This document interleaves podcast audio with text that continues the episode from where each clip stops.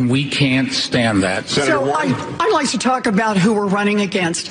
A billionaire who calls women fat broads and horse-faced lesbians. And no, I'm not talking about Donald Trump. I'm talking about Mayor Bloomberg. Democrats are it's not going to win. I want to say one thing. I make this for me. What the networks give a few hours ago, Mr. this Speaker, campaign came to an end. President of the United States. I, Donald John Trump, will not make age an issue of Senator. You're no Jack Kennedy. You're likable. I dream about Biden. Okay. Keep America great. Hei, og velkommen til 2020 fra amerikanskpolitikk.no og Dagsavisen, Norges største, beste og eneste podkast om amerikansk politikk og veien til Det hvite hus. Mitt navn er Are Togoplaten, redaktør av nettsiden, og i dag har jeg med meg kommentator Vårin Alme. God morgen. God morgen, ja. Nå er klokken eh, snart halv seks idet vi tar opp det her. Det har vært en ny TV-debatt, denne gangen fra Las Vegas, snaue tre dager før caucus-valget der. Vi skal ta for oss det viktigste som skjedde, snakke litt om hva det betyr for caucus-valget, og ikke minst veien videre i demokratenes nominasjonskamp. Men først, siden forrige episode, som vi spilte inn fra New Hampshire, så har vi fått med oss seks nye støttespillere på patreon.com ampol. Det er da Mona og Ingebrigt, samt Frode, som har eh, rykket opp fra Representantenes hus til eh, Senatet. Han representerer Virginia, samt Øystein, som har gjort det samme. Han kan da kalle seg Minnesota-senator. Og så har vi fått med oss flere nye guvernører. Kirsten, Kristine og Andreas. Andreas her, han har oppjustert støtten sin fra tre dollar til ti dollar, og representerer nå Ohio. Og så har vi fått med oss Espen, og ikke minst en ny tante i Amerika, Ragnhild. Det er veldig stas. Kommer tilbake til uh, hva støttespillerne våre kan vente seg fra South Carolina og USA de neste ukene. Men vi skal snakke om denne TV-debatten uh, vår, og det første spørsmålet er jo da, hva er din overskrift? Uh, Warren er tilbake igjen i fyrverkeri av debatt. Ja. Uh, det var en fin overskrift. Jeg tror jeg hadde klikka på den. Uh, jeg uh, tror jeg tar uh, Bloomberg burde holdt seg unna Las Vegas, eller noe sånt. Fordi Det kan vi komme litt inn på, da. Mm. Kan du starte med hvem vi tenker kommer best ut av denne TV-debatten, før vi kommer tilbake til hvordan det påvirker valgkampen. Men hvem kom best fra det her? det er vanskelig å ikke si Warren, altså. Dette her var en debatt der hun, hun kom ut swinging, som man sier. Altså fra første sekund. Jeg tenkte først at hun var eh, litt sånn overtent, for hun prøvde å ta ordet før hun, før hun fikk det. Og det virker kanskje litt overivrig helt, helt sånn på tampen. Men eh, så, så kom hun altså med sånne vanvittige eh, altså, slag, og da særlig rettet mot Bloomberg. Og Henrik har jo tidligere kommet med en analyse av at uh, han mener Elizabeth Warren holder seg i, i racet for å kunne få en sjanse til å slå, slå løs mot Bloomberg. og uh, Mye tyder på at han hadde rett her, uh, og at hun nå fikk en kjempeoppsving ved muligheten til å kunne vise velgere hvordan hun ville posisjonert seg i en debatt mot Trump, som også flere, flere, andre begynte med, men som Warren var den eneste som gjennomførte og holdt gående gjennom hele debatten. Mm. Jeg syns det mest eh, effektive i så måte var jo Eh, dette med de ulike kvinnehistoriene, altså alle disse non-disclosure agreements som undertegna. Hun ville ha svar fra, fra, Bloomberg om hvor mange det gjaldt. Om ikke han, hvis det er greit for han, så kan kvinnene få lov til å fortelle sin historie. Men det var ikke Bloomberg villig til. Og så syns jeg det var veldig effektivt dette med at hun først starta med å si noe som hørtes ut som noe Trump har gjort og sagt, før hun poengterte at det var Bloomberg. Eh, og han, i den mm. hele første timen av debatten eh, så syns jeg Bloomberg eh, altså Jeg syns det var brutalt. Han framsto så svak og eh, Hva skal vi si? Altså sånn Alle karikaturene av han på forhånd, som en sånn rik mann som skjuler seg bak alle TV-reklamene, som egentlig bare burde holde seg der. Det, det tenker jeg ble bekrefta i den første timen, da. Men eh, en litt stakkarslig usikker mann med blindsoner, var, altså var, var min erfaring, som, som, er fullstendig uforberedt på det som møtte ham. Uh, og det hjalp at han, han, Altså, forventningene gikk eh, i knas i løpet av den første runden, og dette var en ganske lang debatt, så, så det hjalp ham, sånn jeg ser, at uh, han kom seg litt etter hvert. Men, men altså jevnt over så var jo dette her nesten liksom katastrofe for han, tenker jeg. Det kan godt hende at det ikke får noe effekt på meningsmålingene, men, dette var jo en sterk kontrast til valgkampen han sitter i, liksom har vært mye preget av stiliserte og velregisserte reklamefilmer osv. Mm. Altså, hvis hans hovedargument er at han er den som er best egnet til å slå Trump, så fikk eh, fikk det argumentet flere solide riper i lakken mm. i, i den debatten her. Altså, han framsto som, som, en rik og privilegert eh, kar, som altså, han er ikke avhengig av folks støtte engang for å holde det gående. Noe han nevnte helt på slutten av debatten, da alle nevnte sine nettsider. Altså, jeg gjør gjerne det, men jeg trenger ikke pengene deres. Så han framsto kort og godt eh, ganske trumpsk, eh, både med disse kvinnehistoriene som, som hørtes ganske så brutalt ut, men også dette med med selvangivelse og skatter, at det vil ta tid. Mm. Uh, og, og, ikke minst uh, himling med øynene mm. idet han blir angrepet. Sånn, en god del videoklipp her som kan, som kan brukes uh, veldig effektivt av motstanderne hans. men ja, betyr det noe? Ja, ikke sant. Men, men jeg, altså, dette med at han fremsto trumpsk altså han, han, ledet jo opp til debatten ved å forsøke å klistre det merket til Sanders, at det er Sanders som ligner på Trump. Uh, så det ble jo en debatt mellom de to, og i denne debatten så var det Bloomberg som fremsto som, som Trump-aktig.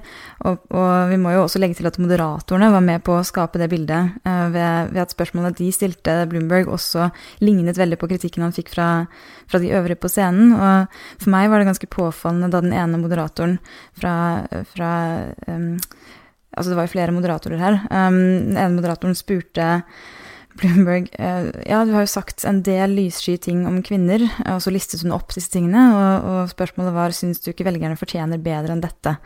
Og for meg var det en ganske klar déjà vu tilbake igjen til den første debatten um, for republikanerne i 2016, da Meghan Kelly spurte Trump hvordan skal du forsvare deg mot Hillary Clintons angrep om at du og det republikanske partiet står for en krig mot kvinner. Så, så dette her, eh, det er bare ikke en veldig good look. Nei. Altså, fram til nå så har han jo framstått som en sånn reddende engel på benken som kan uh, hive seg inn på banen og, og, felle Trump med alle pengene sine. Uh, men debatten viser jo her alle grunner til at han ikke, ikke, er det, da, kanskje. Selv om pengene fortsatt er der. Jeg så kommentarer underveis at uh, dette er en katastrofe, men altså, hva hvis han bruker en halv milliard dollar til på TV-reklame? Så løser det kanskje problemet. Uh, men jeg tenker jo det blir en sånn liten testcase av um, For det første hva en debatt betyr, og for det andre hva mediedekningen uh, gjør med dette. For han hadde noen one-linere mot slutten av debatten som man fort kan se for seg at er de få tingene som blir spilt framfor de dårlige øyeblikkene hans. For eksempel, for et fantastisk land vi har, der vår best, mest kjente sosialist er en millionær med tre hjem som han sa om Bernie Sanders. En sånn one-liner ikke sant, som man, som man, ler litt av, som på en måte bare um, tar fokuset vekk fra andre ting. Og så sa han jo også at eh, vi skal ikke kaste vekk kapitalismen og det Bernie holder på med, kommunisme. Altså sånne åpenbare trumpske angrep, eh, eller som Bernie Sanders sa det, cheap shot. Eh, det er sånne ting som gjerne spilles igjen, og de, de som ikke ser debatten, får med seg det. Så tenker man ja, han sikkert, sikkert eh, fornuftig, det her. Uh, og så en sånn sidebemerkning han hadde til uh, The Senator Next to Me. Uh, og Elizabeth Warren. Sa, Elizabeth. så, litt sånne ting som, um, som også kan få fokus, da, men det er litt vanskelig å si sånn rett etterpå. Men alt i alt den dårligste debattopptreden fra de seks kandidatene på scenen, iallfall det tror jeg vi er enige om. Det var Michael Bloomberg. Ja, og jeg tenker altså dette her var den niende debatten du skal være god, altså, for å kunne komme på scenen med de forventningene han hadde uh, i den niende debatten, der hvor absolutt alle andre er klare til å ta deg ned. Så det må jo inn i konteksten her. Men om vi ser uh, på hvem som kom best fra det, nevnte jo da Elizabeth Warren. Jeg tenker hun er enig med, med det du trakk fram tidligere om at Warren er avhengig av å holde det gående nettopp pga. muligheten til å gå mot en som Bloomberg, da. Uh, men jeg tenker jo hennes største motstander er jo ikke Bloomberg, det er jo Bernie Sanders. Og Ja. hun står jo ved, ved Warrens side i, i denne debatten her. og Han ligger an til å snart skaffe seg en ja, Sanders, ja, skaffe seg en solid ledelse i, i delegater, men hun gjorde ingenting i denne debatten for å gå etter Sanders for å prøve å uh, ta tilbake noe av støtten hans, da. Eh, men det er tydeligvis det de har kalkulert med, at her er det, her må vi gå etter Bloomberg, og på den måten kanskje da få til oss flere tilhengere fra andre kandidater som ser at måten hun gjør det på, er overbevisende. Hva tenker du om, om den, det perspektivet her med Sanders og, og Warren? Ja, jeg tenker jo også at hun har eh, kalkulert med nå at hun har lite å tjene på å gå direkte etter Sanders, at det, det vil egentlig bare gagne Sanders. Um, og at hennes eneste måte å konkurrere mot ham på, er å omgå ham uh, og, og fremstå som den beste kandidaten uten å angripe ham. Uh, som for så vidt kan være riktig, men jeg syns jo også at det er litt rart med tanke på at hun nettopp gikk ganske krast ut mot Bernie Sanders på dette med hvorvidt en kvinne kan vinne. Uh, og da De to tingene virker kanskje ikke helt konsistent, men kanskje dette er eh, lesson learned for henne?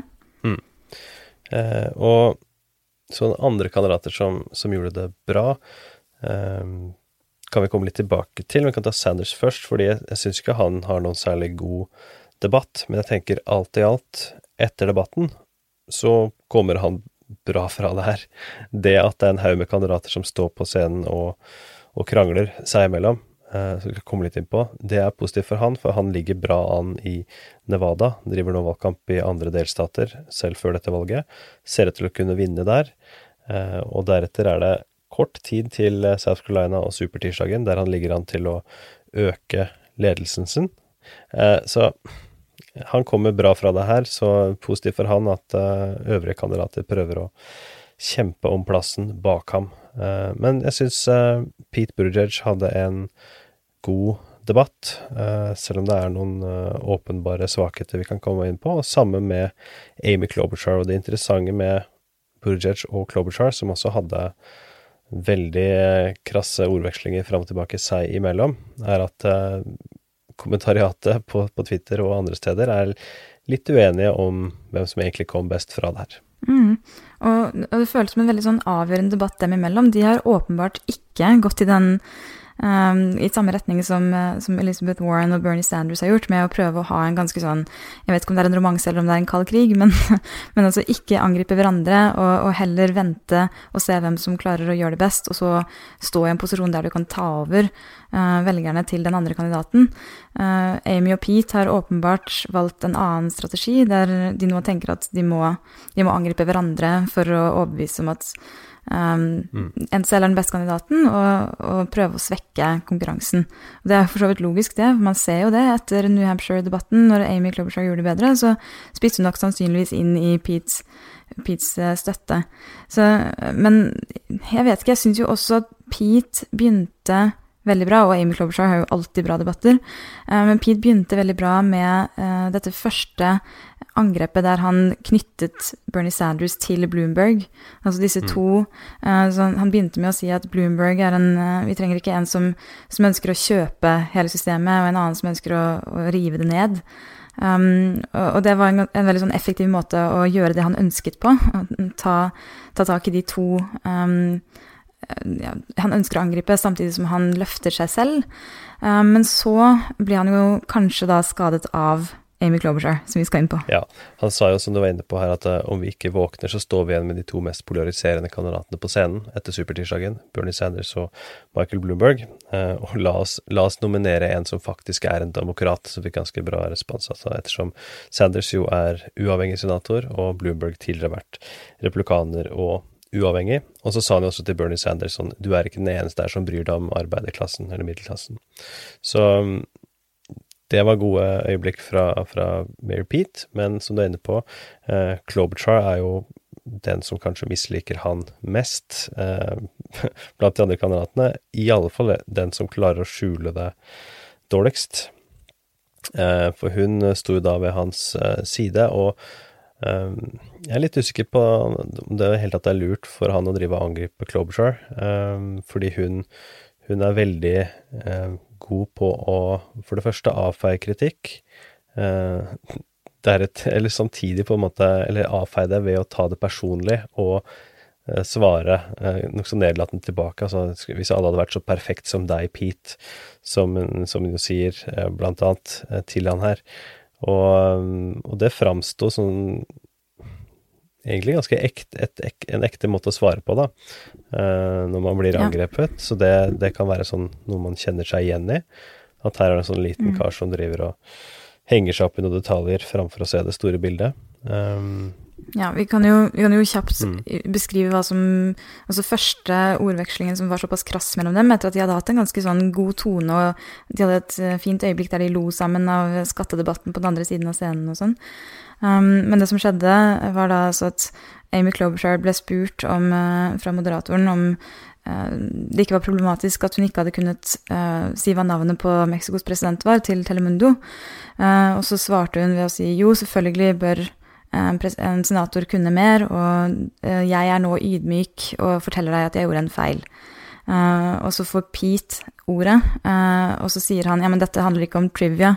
Dette handler om altså du sitter i de riktige komiteene i Senatet for å kunne, kunne vite dette her, og du skal være Du stiller til, som presidentkandidat. Du burde vite dette her. Og du så at Amy Klobuchar reagerte på en helt annen måte enn hun gjør når hun får kritikk fra, fra andre kandidater på andre ting. Det, og svaret hennes var da ja, sier du det er dum? Uh, sier du at eh, altså du, dette er en drøy anklage, du sier egentlig at jeg ikke har erfaringen som kreves for å bli president. Og det var på en måte å ta det til et nivå som eh, Ja, det, var, det føltes veldig avgjørende, da. Are you, are you trying to say that I'm dumb or are you mocking me here, Pete? I'm saying that you shouldn't trivialize I made an error. People sometimes forget names. Og jeg vet ikke, jeg, jeg tenker at det var et, et svekkende øyeblikk for Pete, og der er vi jo splittet. Altså, mange mener jo at eh, dette her var hennes dårlige øyeblikk, men, men det, er, det ser ikke bra ut, det å stå som ganske ung ved siden av en tungvekter i amerikansk politikk og bli anklaget for å si at denne tungvekteren ikke er eh, kvalifisert. Det minner om eh, Bernie Sanders' øyeblikk da han fortalte alle sammen at Hillary Clinton var ukvalifisert i 2016. Ikke, ikke noe du ønsker å ende opp i. Og så fortsetter jo også da Pete gjennom debatten, som er helt uforståelig for meg, å angripe Amy. og det, Amy Klobuchar er kanskje, foruten eh, Elizabeth Warren, den beste debattanten på den scenen. Så i det hele tatt syns jeg bare det var en, en dårlig valgt Ja. strategi, da. Jeg er nok enig i det, og særlig ettersom jo eh, i disse Telemundo-intervjuene så var det jo han, Pete Buttigieg, som kunne navnet. Eh, så han trenger ikke å nevne det, men han kunne bare gått på noe annet, ikke sant. Men han velger allikevel, og med det som et bakteppe så framstår det litt mer smålig at han på en måte ønsker å ta opp igjen den saken, da. Eh, Særlig når Warren eh, bryter inn for å forsvare Amy Klobuchar og si at dette her var jo åpenbart bare noe hun ikke husket. Men det som, som jeg nevnte litt tidligere med at det er litt sånn ulike oppfatninger av det her, er jo f.eks. David Axelrod som sier at eh, Amy Klobuchars debatt eh, var like dårlig eh, i kveld som den var god i New Hampshire. Eh, så det er veldig splitta på akkurat det her. Og tidligere så har vi jo hatt altså, kandidater som har glemt navn og sånt, som har vært altså Gary Johnson, for eksempel. Altså kandidater som gjør det, eller Sarah Palin, eh, de eh, avskrives som eh, som at de ikke er helt klare, da. Eh, og, men altså, det å glemme et navn er jo fullt forståelig, og jeg syns jo hennes eh, forklaring og forsvar av det er, er greit. Men spørsmålet er om eh, hvordan det tolkes av de som ser på. Om det framstår litt som litt eh, At hun tar det litt for personlig, og er litt for smålig i angripene sine tilbake til Pete, da. Med å si at å, du er så perfekt, liksom, og du har bare øvd inn talepunkter, mens Amy Klobuchar er jo den som som er Som har en Ja, altså, de talene til Klobuchar som hun leverer, det er jo den samme igjen og igjen og igjen. Det er noen ganske artige videoklipp der ute av den samme talen hennes levert på utallige ulike steder. Så det at hun skal komme med et slikt slikt, ja, det blir problematisk, men det, det går begge veier. Men jeg syns jo begge de eh, totalt sett hadde god debatt sammen med Elizabeth Warren, og så kan vi kanskje komme inn på hvem som, eh, som gjorde det dårlig, i tillegg til Bloomberg, men jeg syns ikke noen gjorde det veldig dårlig, egentlig. Nei. Men det er jo talende at vi fortsatt ikke har nevnt Biden. Ja, men det, ikke sant, for jeg starta med, nevnte annet Bernie Sanders, at han hadde ikke noe god debatt, men kommer bra ut av det. Og jeg tenker vel også at det samme gjelder eh, Biden her, for han hadde ikke noe, noe dårlige eh, innhopp her. Eh, og det at Bloomberg svekkes, og det at Klobuchar og Pete krangler, det tenker jeg er helt gode nyheter for, for Biden. Forutsett at han da faktisk klarer å gjøre det bra, eller nokså bra, i Nevada, og vinne South Carolina. Mm. Da kan det her begynne å endre seg litt. Jeg tenker jo at de fleste på den scenen bare må prise seg lykkelige for at Bloomberg nå kom med i denne debatten. Og det, altså Narrativet har vært det motsatte. ikke sant? Narrativet har vært at eh, Bloomberg ødelegger for dette, uh, denne valgkampen, og at han splitter den moderate stemmen og oppnår det motsatte av det han ønsker seg. Men det var mange her som jeg tror tjente på det å kunne ha en som lignet på Trump på scenen, ikke sant? Eh, for å kunne vise seg skikkelig, og for, å kunne liksom stå samlet mot en felles fiende. Og bare fra et, fra et perspektiv fra en som liker amerikanske debatter. Takk Gud for at vi endelig har en ordentlig politisk eh, debatt. Dette her var gøy. Eh, alle de andre åtte debattene vi har sett, har føltes så langdryge og så policy-tunge og, og litt sånn eh, uten perspektiv på innsatsen som faktisk er Altså innsatsen i denne valgkampen. Og nå endelig får vi kandidater som er skikkelig på, og, og som vil dette her, da. Jeg syns debatten har blitt eh, bedre og bedre. Jeg syns også den forrige var, var bedre enn mange av de tidligere. Um, Ja, det gjør jeg. mens altså, Bloomberg nevnte jo her altså Jeg kan ikke tenke meg noe som gjør det lettere for Trump Trump å vinne gjenvalg enn å høre på denne samtalen Mm. som han sa om debatten, og det er jo noe mange kandidater har sagt tidligere, som Klobuchar blant annet, at eh, hvem er det som tjener på at vi står her og krangler? Jo, det er Trump. Eh, og det må jo for, for eh, tilhengere av Trump og, og replikanere som, som ser på den debatten her, være ganske fornøyelig å se hvor, hvor splitta og kaotisk det er på demokratisk side nå. Eh, Ja, absolutt. og der, Og den hva, lin- hva som er tema. Mm. Jeg tenker den, den eh, one-lineren fra, fra Buttigieg om at eh, hvis vi ikke våkner, så står vi igjen med altså, Si hva du vil om hans um, kategorisering av de som de to mest polariserende kandidatene, men altså står igjen med Bloomberg og Sanders, da poten- potensielt som de sterkeste kandidatene etter supertirsdagen. Det er nok tilfellet, med mindre det skjer noe her. Uh, så vi kan jo begynne å runde litt av. Uh, er det noen andre ting fra debatten du tenker er, er verdt å få med seg? Bare én liten ting jeg kom på nå, er jo dette med Vi nevnte jo Bloomberg som litt sånn Trumpsk uh, på ulike måter.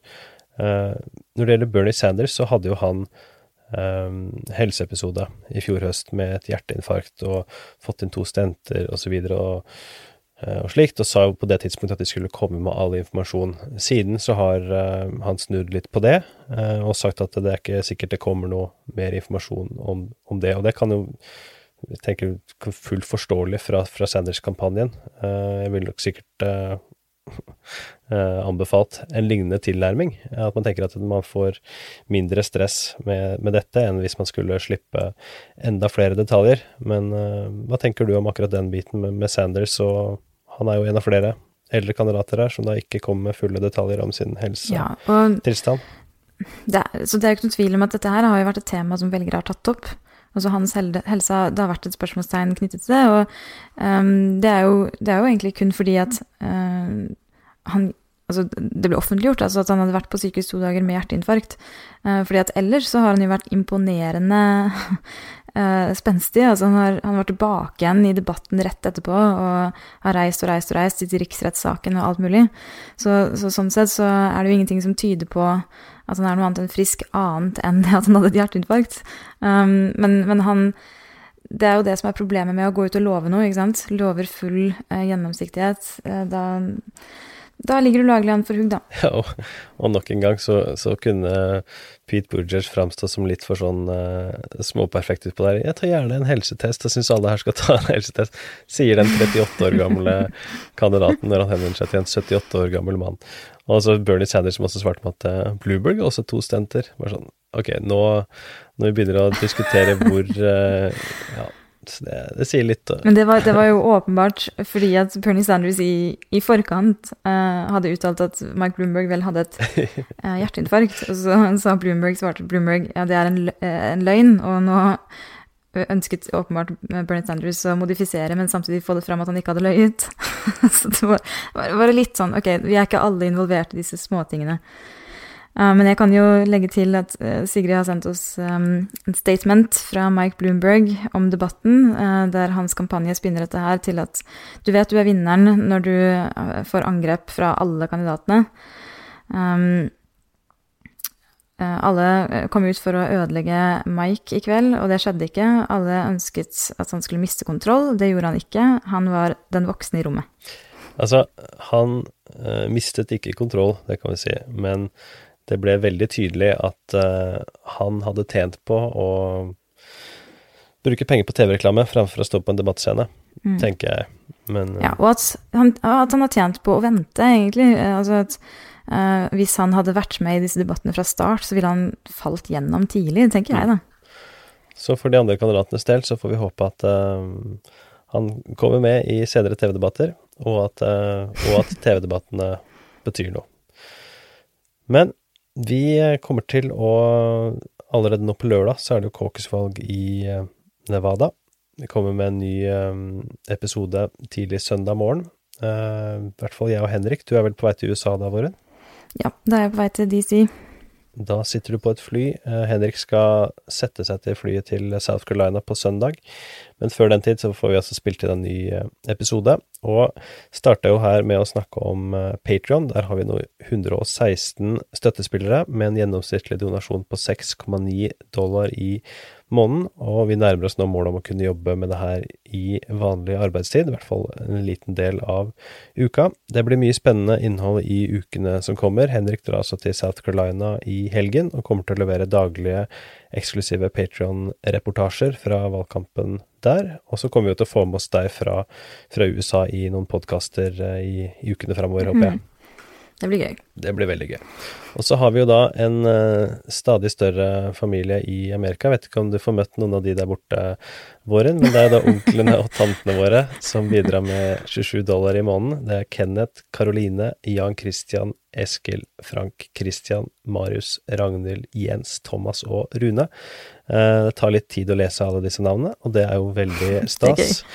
Uh, for de bidrar jo til at vi kan satse videre på dette prosjektet her. Da, Våren, kan du kanskje få litt søvn før du skal på jobb, eller? Ja, lite grann. Litt grann.